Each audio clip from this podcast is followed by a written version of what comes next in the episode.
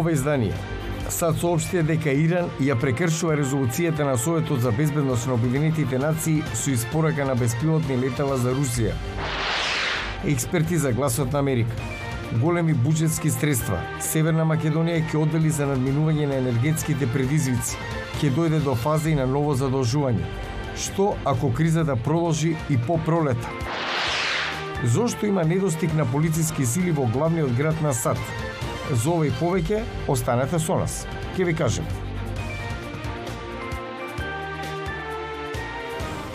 Добро вечер, ова е ТВ Журналот Ньюсфлеш на гласот на Америка на македонски, јас сум Јане Бојаджиевски. Иран ја прекршува резолуцијата на Советот за безбедност на Обединетите нации со испорака на беспилотни летала за Русија, соопштија САД.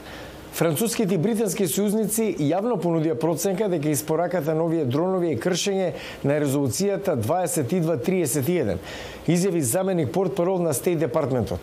Портпаролката на Белата куќа, Карин Жан Пиер, рече дека Вашингтон ќе спроведе санкции за руската и иранска трговија со оружје и ќе го отежнат Иран да го продаде ова оружје на Москва. Еве ги на новите вести од теренот. Руските сили извршија воздушни напади врз повеќе украински градови, со мети меѓу кои имало и енергетски објекти. Кирило Тимошенко, заменик шеф на кабинетот на председателот Зеленски, рече дека три удари погодиле објект за снабдување со електрична енергија во Киев. Градоначалникот на Киев Витали Кличко изјави дека експлозии биле пријавени во северниот дел на главниот град, каде што била погодена критична инфраструктурна установа. Портпаролката на Белата куќа Карин Жан-Пьер изјави за новинарите дека нападите со беспилотни летала продолжиле да ја демонстрираат бруталноста на рускиот председател Путин. Таа рече дека САД ќе ја повикаат Русија одговорна за незините воени злосторства. Генералниот секретар на Обединетите нации Антонио Гутераш беше длабоко вознемирен од континуираните ракети и беспилотни напади врз украинските градови и населби. Гутереш повика нападите веднаш да престанат и на итна деескалација. Одиме во Северна Македонија. Енергетската криза ќе предизвика и економска криза, бидејќи големи буџетски средства ќе се одделат за надминување на енергетскиот проблем, велат аналитичари. Веројатно ќе дојде и до фаза на ново задолжување, но тоа треба да биде за строго таргетирани цели. Експертите очекуваат инфлацијата да продолжи уште еден извесен период. Нова тема Мики Трајковски од Охрид. Економската криза ќе продолжи најмалку до напролет. Не треба да мислиме дека таа ќе застане туку така, вели економскиот аналитичар Љупчо Зиков. Според него, ланците на дистрибуција на разни суровини и готови производи во светот се нарушени и таа состојба е таква во моментот што како крајна предизвикувачка цел има зголемување на цените, односно инфлација. Инфлацијата очекувам да продолжи уште еден извесен период, можеби тоа ќе биде до пролет, потоа очекувам напролет стагнирачки дел на, на инфлацијата и со, со трендови на намалување. Но универзитетскиот професор Анастас Ѓуровски не е оптимист дека работите ќе се променат во брзо време. И ваквата рецесија има повеќе изгледи дека ќе се трансформира во криза, отколку дека состојбите ќе се нормализираат.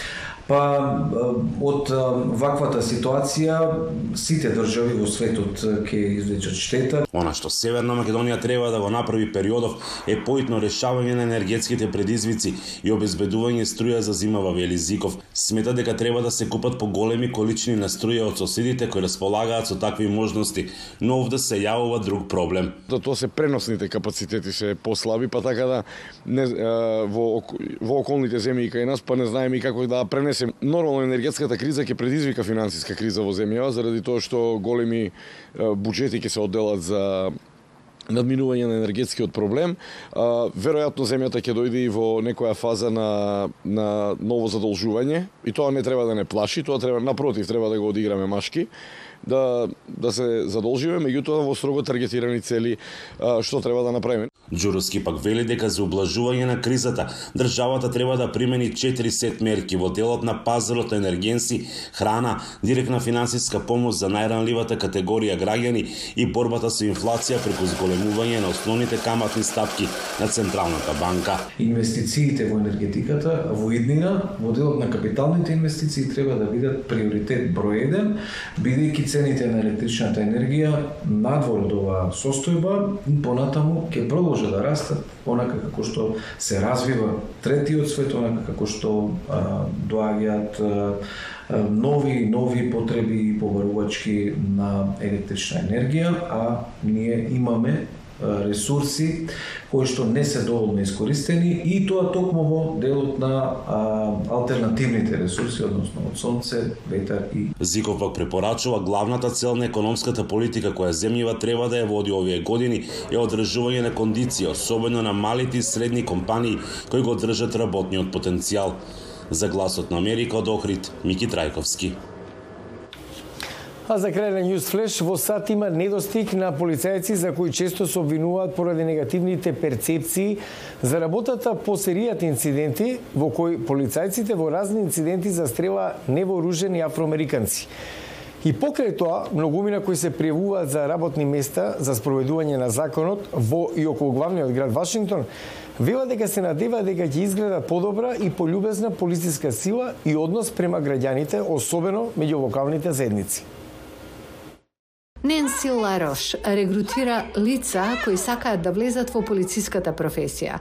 Таа вели дека додека растела, полицајците имале лошо име being a kid from the trailer park in Minnesota. Израсна во заедница на приколки што всушност беа домови во Минесота и мислев дека работата на полицајците е да ви го направат животот мизерен.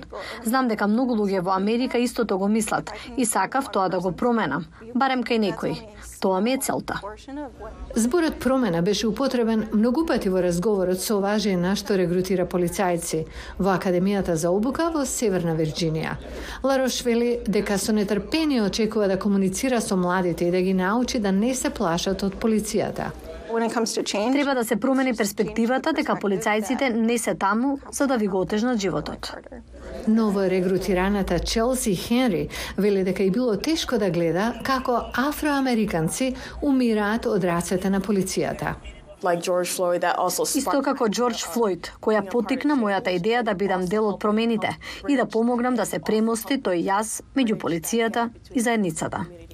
И додека многу американци ги почитуваат силите за спроведување на законот, антиполициските чувства се поттикнати од лошите полицајци, кои прават лоши работи, вели Патрик Лофтус, директор за стратешки ангажман за полицискиот оддел во Вашингтон.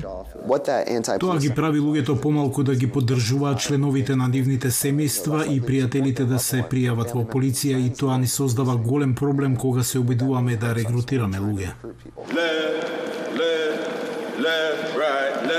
А тоа се случува во време кога нема доволно работници и работодавците се надпреваруваат за привлекување на расположивите кандидати. Крајниот резултат е недостиг на полициски сили во главниот град на САД. Лофтус вели дека неговиот оддел решил да нуди бонус за подпишување на договорот од 20.000 долари, пари за студирање и платена станарина.